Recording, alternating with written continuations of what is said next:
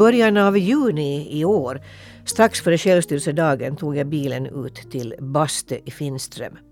Jag körde genom det försommarfagra landskapet fram till det gamla gula huset för att träffa Anders Hedenberg. Han är några år yngre än den åländska självstyrelsen vars förestående hundraårsjubileum vi nu uppmärksammar under ett helt år. Anders har bott på Bastegård i hela sitt liv. Det var hans far som i tiden köpte gården när han flyttade till Åland från riket. Även om familjen Hedenberg har bott här närmare hundra år så sträcker sig gårdens anor ytterligare ungefär 600 år tillbaka i tiden.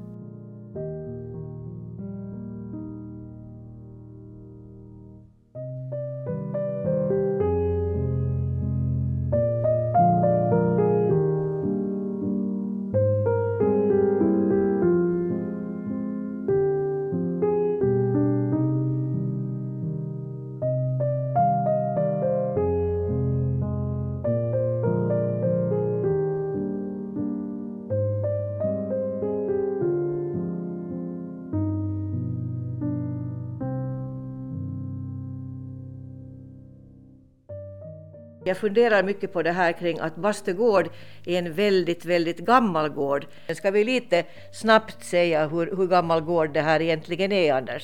Jo, ja, då man känner alla ägare från 1330. Men det var ju mycket, det skiftade ofta, det var ju fina, som låddes var fina herrar och så gick affärerna på tok så det såldes snabbt då. Ja, det, var, det var mycket köpande och säljande ja, under ja. århundradenas gång. Men hur kom det sig att, att du hamnar här, din familj hamnar här? Ja, nu kan jag göra en, en, en, en, en längre historia om det hela. De hade en gård i Pebar och sen då hade han tillsammans med sin bror och så bröt Röda upproret ut. Och, och, och, det var ju hemskt därför att då skulle de ju ta allt. Det var stöld att äga mark och någonting överhuvudtaget. Så hade tre kusiner som jobbade på fiskarsingenjörer de blev alla skjutna utav de röda. Och då sa han åt sin bror, nu tänker jag inte vara i det här landet, nu säljer vi gården. Och det, det gjorde de, utav eh, kommun köpte den. Och sen, det var nog halvt om allt att man flydde därför då gick han ju, ja det måste säga emellan här, att eh, han spelat in hela den där resan han gjorde från Åland över isarna och isbrytare över till Sverige.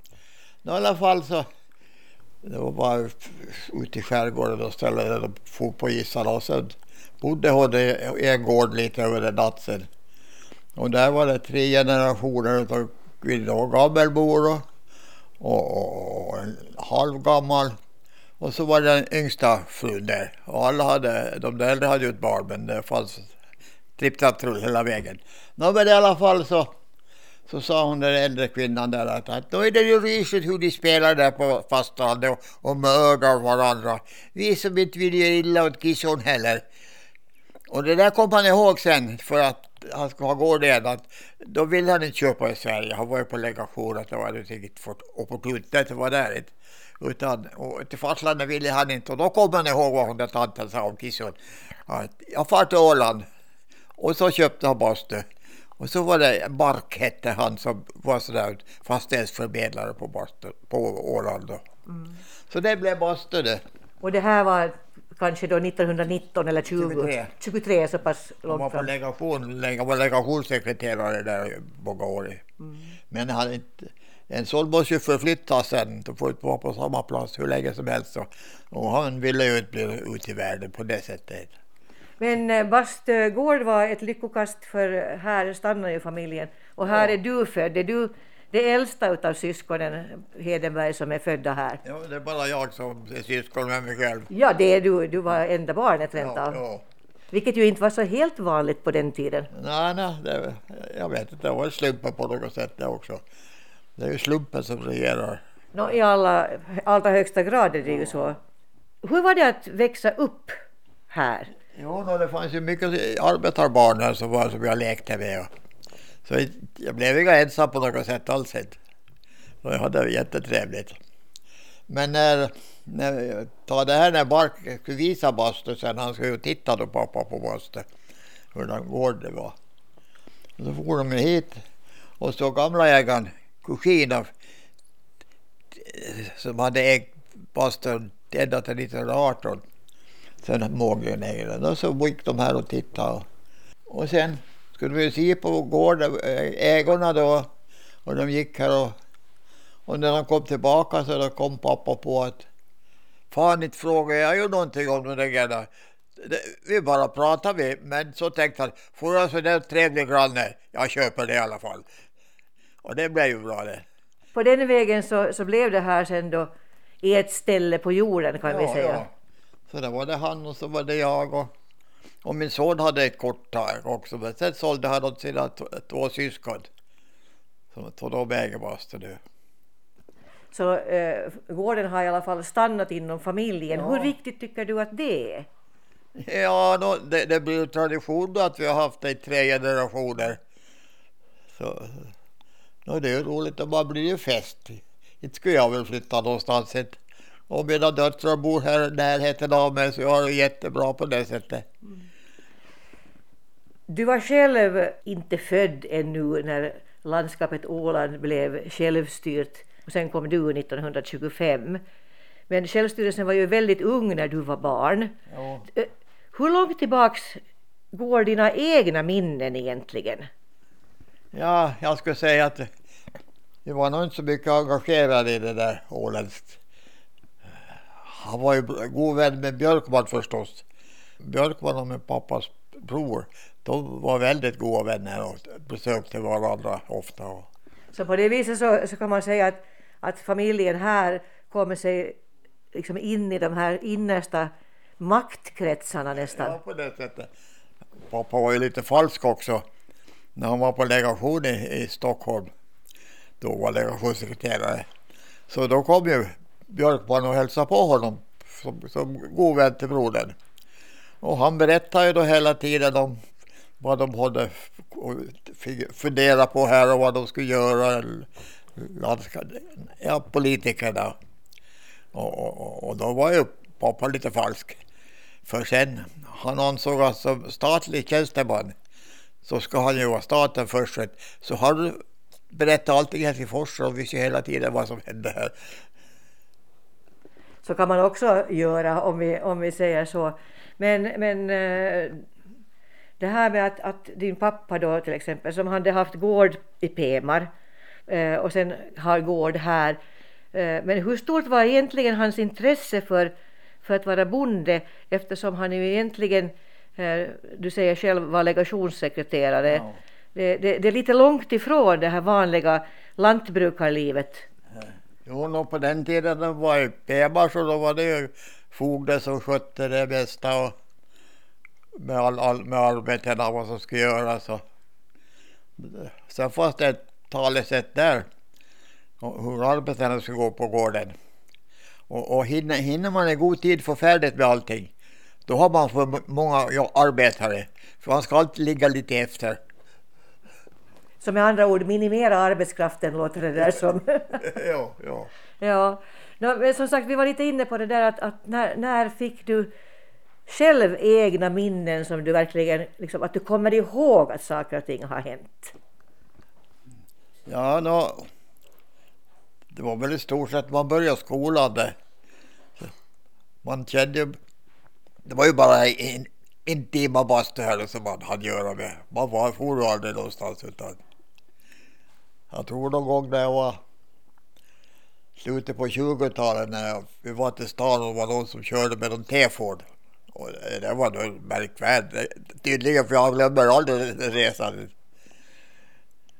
Så på det sättet så kan man säga att att den var eh, inom citationstecken ödesdiger för dig för, för du har ju ett, ett brinnande intresse, har haft länge för alla sorters bilar egentligen. Ja, ja men just det där med gården, man var ju det är klart man växte upp med allting här och, och kor och, och allt som skulle det var ju gammal när till pappa började här. De skar vet jag med.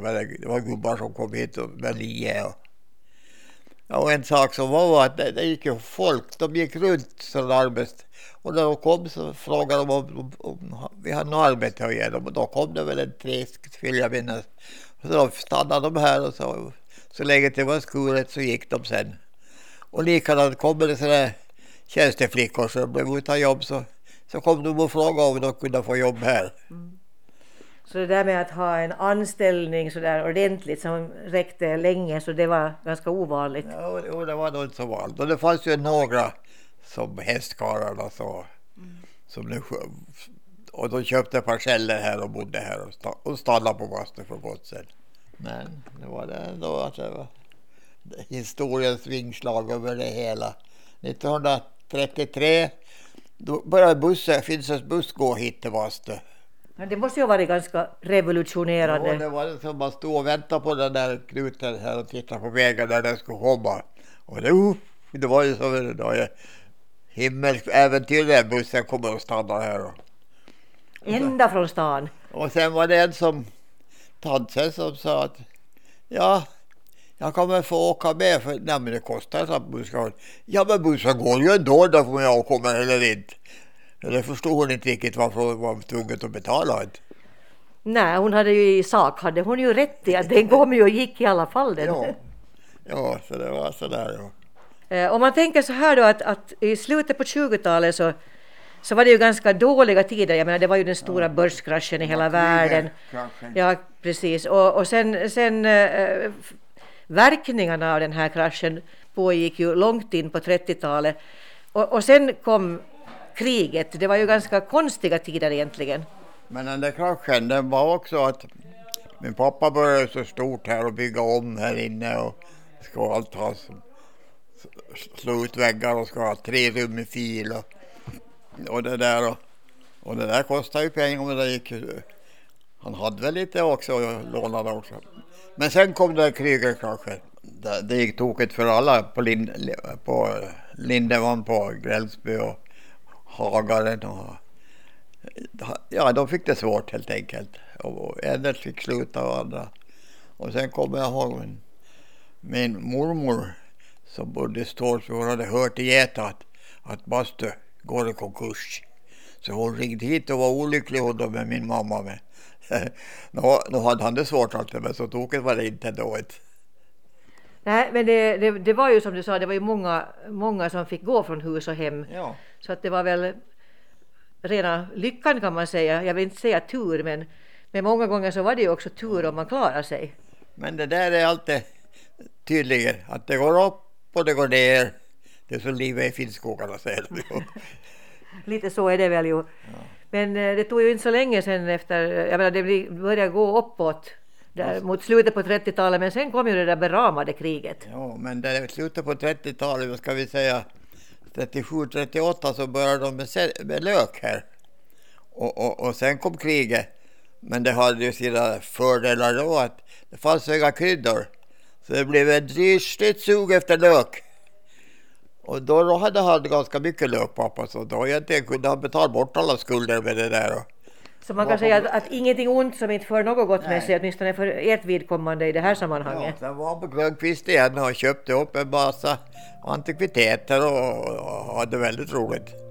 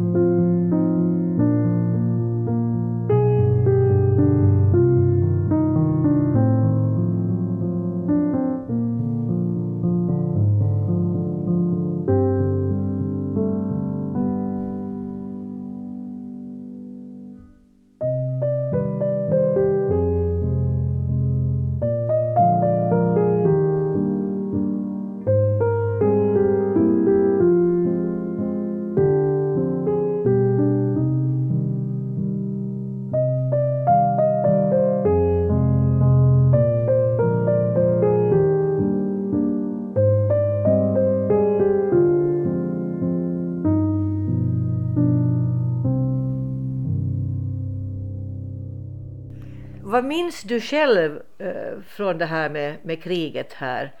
För jag menar, inte var ju Åland, även om Åland stod utanför själva krigshandlingarna, så inte var det ju precis så att, att det var helt bara, ska vi säga, solsken och sång. Ja, jag måste vilja visa lite. Kommer upp nu så. Jaha, så Anders var det och hämta eh, en, eh, en ja, uniformsjacka. Nu ska vi ta upp ett par glasögon som trillar ner. Berätta för mig Anders nu vad, vad, vad det här är för en, en jacka. Ja, det är uniformsjacka. Det är från skyddskåren. Det är S. Man ser bilder om hemma hade han att han var alltid den här på armen. Han. Och, och, men du var ju väldigt ung. Jag menar, eh, Ja. 1939 när kriget bröt ut så då var du ju bara 14 år. Ja. Så hur kommer det sig att du fick komma med i Ja, skyddskåren? jag kom, det var med grannen Perander här. Alla andra gick ju med i soldatgossarna i min ålder. Men jag kom hit med det här en gång ja.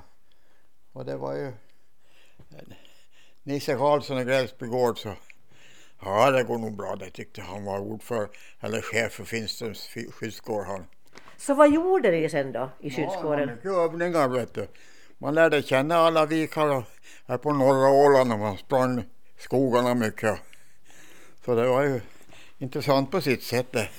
Man har ett rätt ibland men att Ja, det kan jag tro. Vilken nytta har du haft av att du, att du kan varenda vik ungefär? bara Vilken nytta har du haft av att du har kunnat alla de här vikarna? Jo, no, det är ju roligt.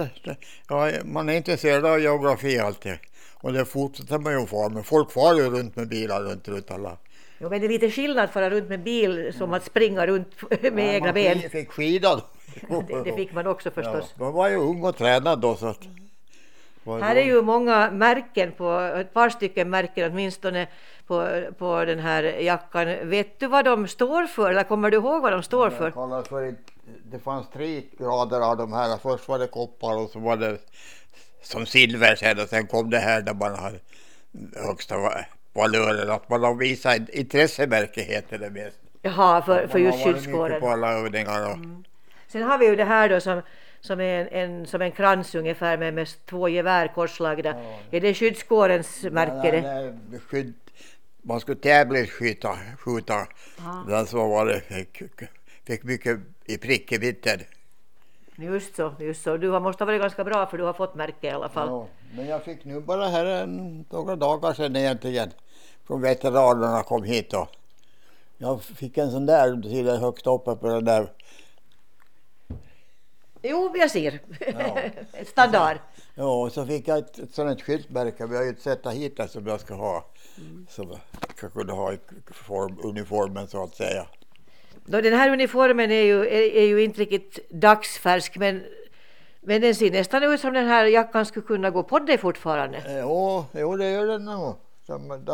Den, var jättestor då när jag fick den först tyckte jag. Satan, den var Här ska det vara för gubbar med mage. ja, men när man var ung så undrade man just hur alla byxorna var så stora. De var typ plask, lösa här. Ja, nåja. Jag, jag var håller mig ganska sådär mitt här där nu. Ja, ja, så du kan ha dina, dina kläder från, Ja. från 30-talet. Men eh, det här kriget höll ju på ganska länge och, och även Åland råkade ju ut för bombardemang och, och det ena med det 25 men det tog ju så småningom ändå slut sen. Jo, men en sak som jag kommer ihåg det var där när eh, ryssarna tog Viborg sen. Då, då höll det på gick på tok då. Nå riktigt. Och, och pappa som jag hade flytt en gång förut så, så ringde till en sån där skutköpare här och frågade om han skulle, om vi skulle plocka alla grejer härifrån och fara över till Sverige innan ryssarna kommer. Men det blev stopp i alla fall så de kom inte hit, gudskelov för det. Nej, så på det sättet så, så har ni fortsatt att, att leva och verka här på, Ja. på Bastö. Och, eh, det var ju som alltid efter sådana här ofärdsår så var det ju väldigt dåliga tider genast efter Ja. kriget. Men, men det gick på något sätt ändå ganska snabbt framåt. Man var glad för små saker när det som började importeras lite. Det fanns lite, ja det kom någon frukt lite någon gång då och då, sådär ja. Och då tänkte jag att nu blir det bättre tider. Och småningom blev det ju det också. Men har du tänkt liksom, eh, jag menar du har ju hunnit bli ändå eh, nästan 20 år innan, innan kriget tog slut ordentligt. Eh, hur, hur mycket tänkte du på det här med att Åland var en självstyrd del av Finland i den åldern? Ja, till och med Sumlund pratade för att man skulle gå med i skidskåren. Då. Då, var han fosterländsk också. Han var inte så mycket ålänning då riktigt. Det passade inte då. Men det kanske det var bra att, att, eh, att liksom vara då, som du säger, fosterländsk? Ja, ja. Och genom att min far då hade varit i statens tjänst ganska länge. Mm. Nej. Men ja. Eh, när så att säga fick du själv upp ögonen för att Åland var lite speciellt om vi säger så, att Åland var självstyrt? Ja, jag har nog inte varit så där riktigt engagerad för det där. Jag, utan genom att jag har så mycket släkt och vänner på fastlandet så, så tycker jag att svensk-Finland hör ihop väldigt. Mm. Och det tycker jag inte riktigt om det där liksom att, att eh, ålänningarna ibland är inte riktigt klarar sig utan svensk-Finland. Men jag tror att Österbotten, Österbotten är nog själva grunden för att det finns svenskar i Finland. Där är det, det är ju stora grejer. Det finns ju folk där som inte kan finska. Ja, det glömmer man kanske gärna bort, men, ja. men när du säger så där, eh, det har du säkert sagt många gånger förut. Va, vad har folk sagt då? Blir de sura på dig för att du har de åsikterna? Nej, no, det diskuterar jag inte där heller. Det var med någon god vän som har pratat sådär. Men visst, jag var ju glad för att Åland har fördelar av det här. Sjöfarten då speciellt och färjorna. Mm. Så det, allt som var ett fördel ska man ju vara glad för. Det, det, är väl så det är, att man, man ser ju till sitt eget bästa. Ja, ja. Det är konstigt om man börjar med att se åt alla andras bästa först, kan jag tänka mig. ja, ja. nej, nej, vi har, det som hon där gubben sa, att vi vill inte göra illa åt kissen heller. Alla var är ju snälla och, och riktigt hyggliga. Man läser i tidningen så är de grälsjuka i Mariehamn, det må de väl få vara. Det känns som att du tycker att det är lite långt borta det där Mariehamn. Ja, ja, vi vill ju att Godby skulle växa helst bara ju sådär lokalpatriot alltid. Mm. Och lite avundsjuk. Jag bara hamnar otur också med det där jobbarna. Ja, du menar så ja. Ja, ja. Det är, ju, det är ju alltid ett visst gnissel i maskineriet när det kommer till grannar. Brukar det inte vara så? Oberoende av om ja, det är stort ja. eller smått. Nej, no, Maria, man får väl tycka vi andra att Maria Hamnarna skötte det där lite dåligt. Du tycker så ja. Mm. ja det tycker det tidigare. Det, det är ju många som tycker det. De strider mest bara om centrumplanen och det håller aldrig på att bli någonting men kan hända det blir det då. Men just det här då att, att eh, vikten av att hålla sams för ja. att kunna utveckla ska vi säga hela landskapet. Ja. Var det mera sånt förr när, när det liksom var lite ska vi säga piskan på ryggen för att man skulle faktiskt kunna bygga ett ett framgångsrikt Åland. Det fanns ju en kommunsammanslutning på något sätt som, som, som nu arbetar hela tiden kommuner emellan. Fast det märktes kanske inte så mycket utåt. Så det. Men det fanns i alla fall, eh, att, viljan fanns att, att samarbeta. Och nu blev ju det här kommunsammanslagningen, det blev ju så påskällt och rysligt och och nu är det som det, på Vipsele att bli det i alla fall på ett annat sätt, frivilligt. Och, och det var med kyrkorna också, jag var med i kyrkofullmäktige i tiderna. Och då blev det fråga om att kunde samarbeta med Geta. Och, no, jag skulle spara pengar men inte vart det någonting för allting vart ju kvar för Geta borde vilja ha alla sina ja, kyrkliga angelägenheter för sig och det är ju typ, kanske förstå det. Mm. Men, men är det inte sådär då att, att men, alla håller på sitt och jag skryter om min ja, vattvälling? Men, men tiden utvecklas och idag så, nu, så har det ju, nu slås det ihop mm. utan att någon gnäller. Och hela norra Ålands församling heter det ju nu. Är det bra det då tycker du? Jo, jag tycker nog det är bra. För att då ska man ju gå i kyrkan och jag tycker och begravas i kyrkan tycker jag också. Ja. Tycker, tycker inte om det när man ska bränna sitt. Min eh, pappas morfar han var ärkebiskop i Finland. Han. Så det är väl där sitter lite kyrkligt i mig på det sättet. Vad hette en sån karl då? Bergenheim. Bergenheim. Mm. Det är ganska långt tillbaks i tiden i alla fall. Ja, han slutade på... Uh, när dog han? 1890 ungefär. Ja. Det blev skojigt på det sättet att han var född 18, 1798. Men han blev en rysligt gammal karl då kan man säga om han dog på 1890-talet. Ja, no, men i alla fall det betyder att jag brukar säga att min pappa har suttit i famnen på en som var född 1700-talet. Så det är inte så fruktansvärt långt borta 1700-talet. Nej, fast det just nu känns som att det är jätte, jättelänge sedan. Ja, no, mina barn tycker ju att 50-talet är jättelångt borta.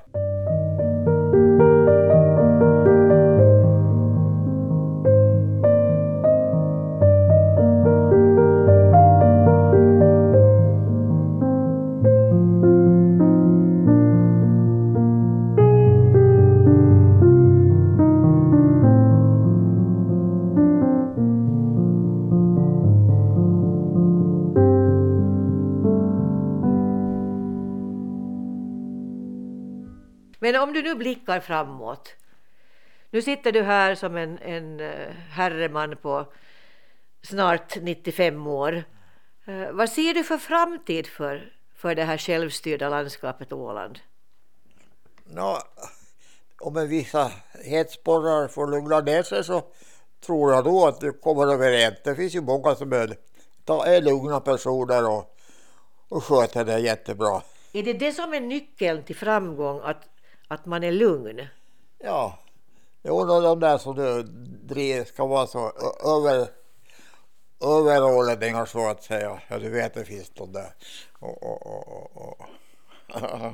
Så du, du, du förespråkar, låter det för mig nu som att om man går den här, i den här mittfåran så, så klarar man sig liksom bättre än om man är ytterlighet åt något håll alldeles oavsett vad man kallar det för. Jag tycker det finns flera där av de här höga herrarna om man så får säga som är väldigt bra människor och förståndiga.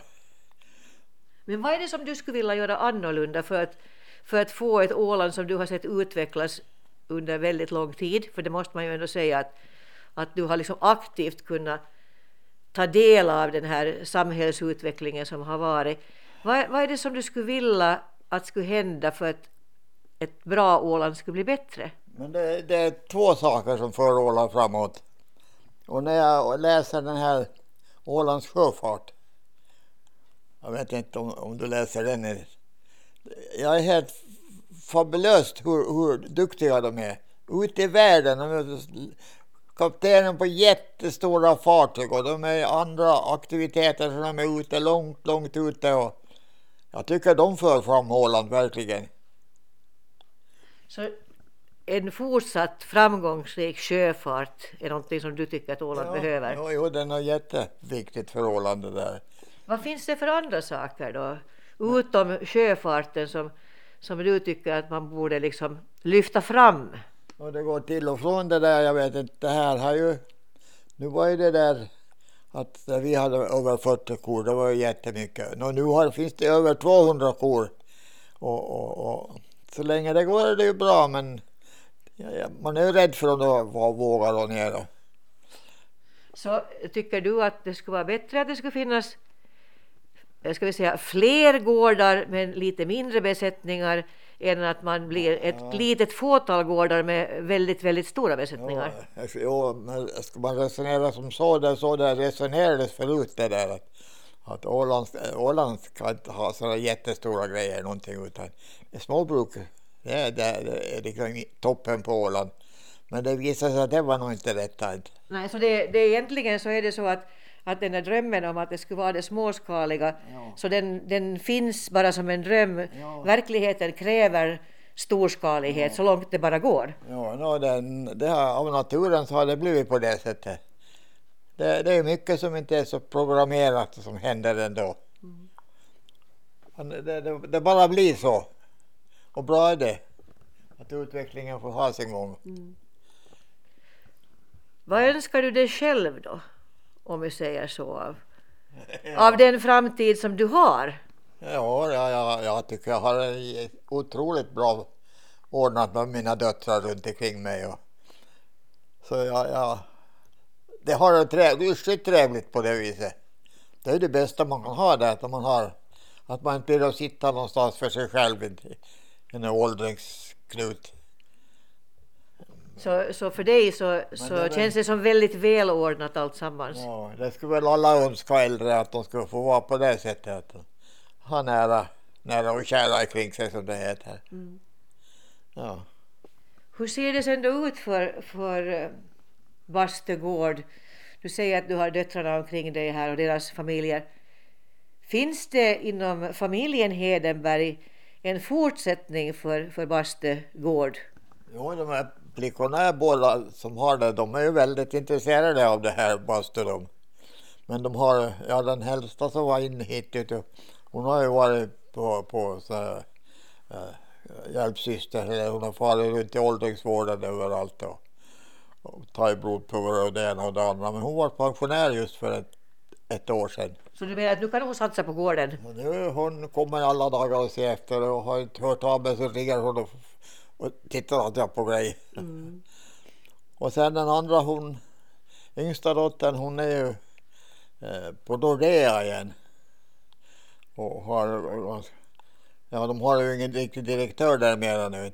Men hon är i alla fall på Nordea och räknar pengar. ja, ja. Om man säger så som jag sa, som hade en mamma som jobbar på bank, att mamma räknar pengar. Ja, men det håller ju på att avskaffa pengarna nästan nu. Men så är det ju. Det är ju så den här utvecklingen går.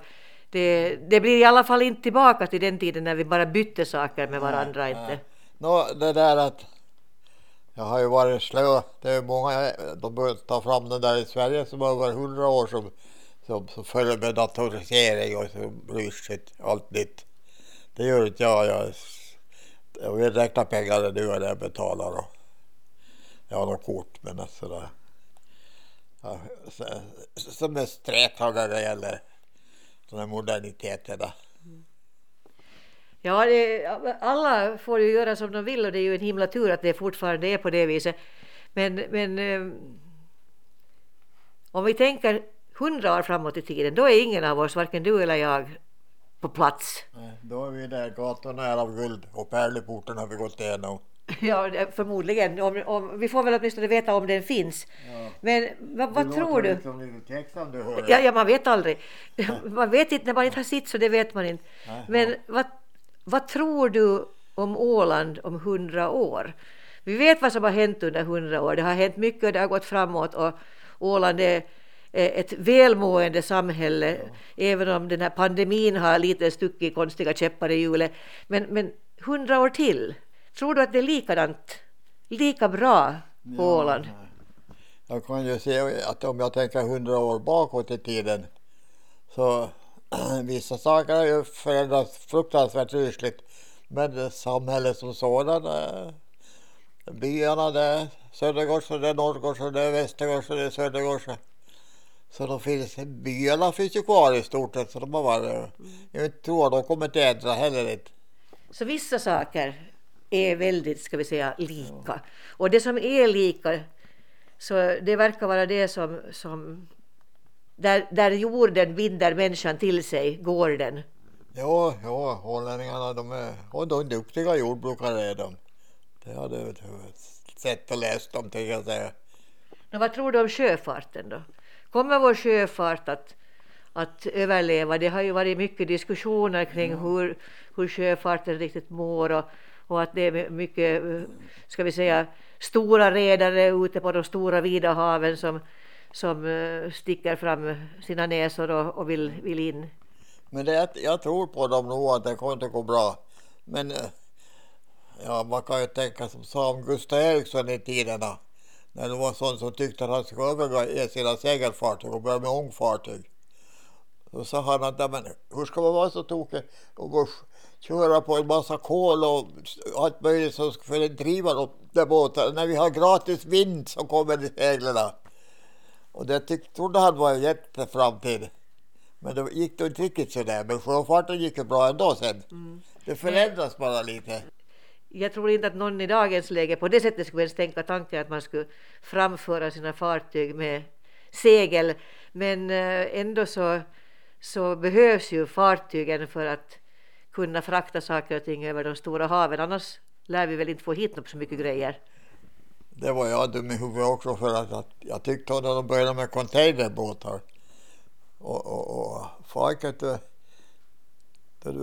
massa lådor på sig, sätta grejerna i lastrummen alltså, för mera rum.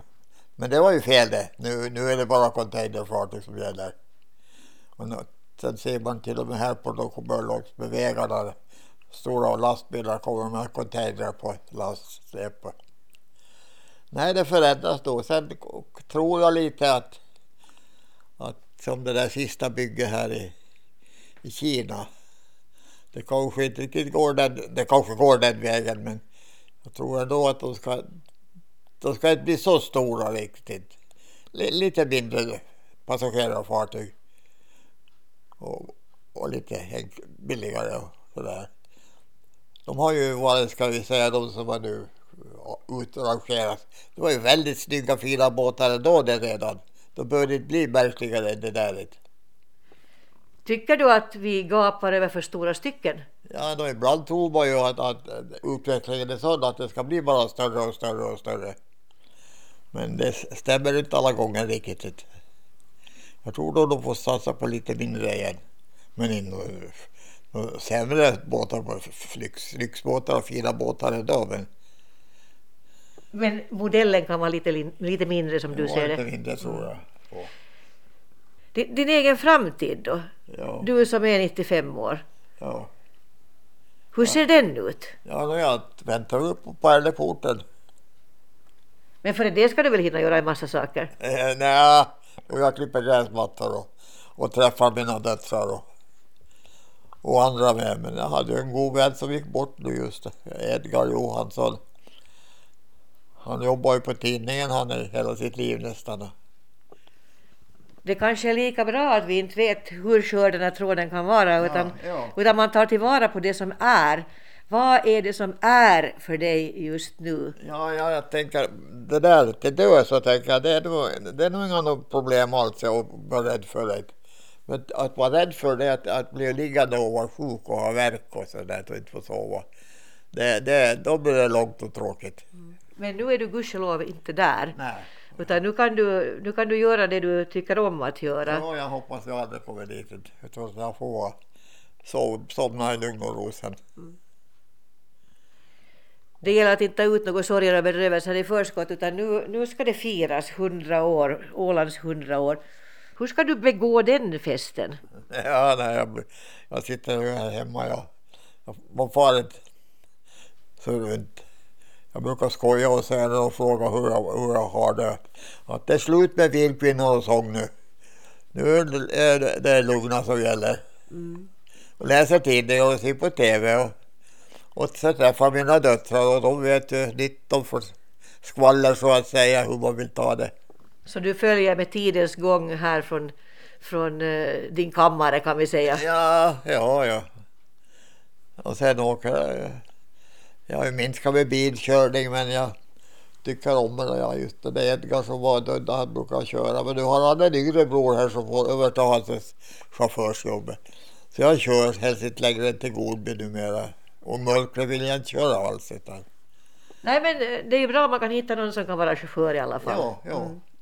Men hör du, jag tror att, att jag ska önska dig en, eh, en, ett trevligt år det här Ålands hundraårsjubileum och, och så hoppas vi att du får komma ut på några trevliga äventyr, så lagom tre, eh, stora äventyr här under det här året. Vi ska gå ner och titta ett ögonblick innan du far. Vi ska titta där nere ett ögonblick, jo. Ja. Den här tycker jag är väldigt bra. Ja.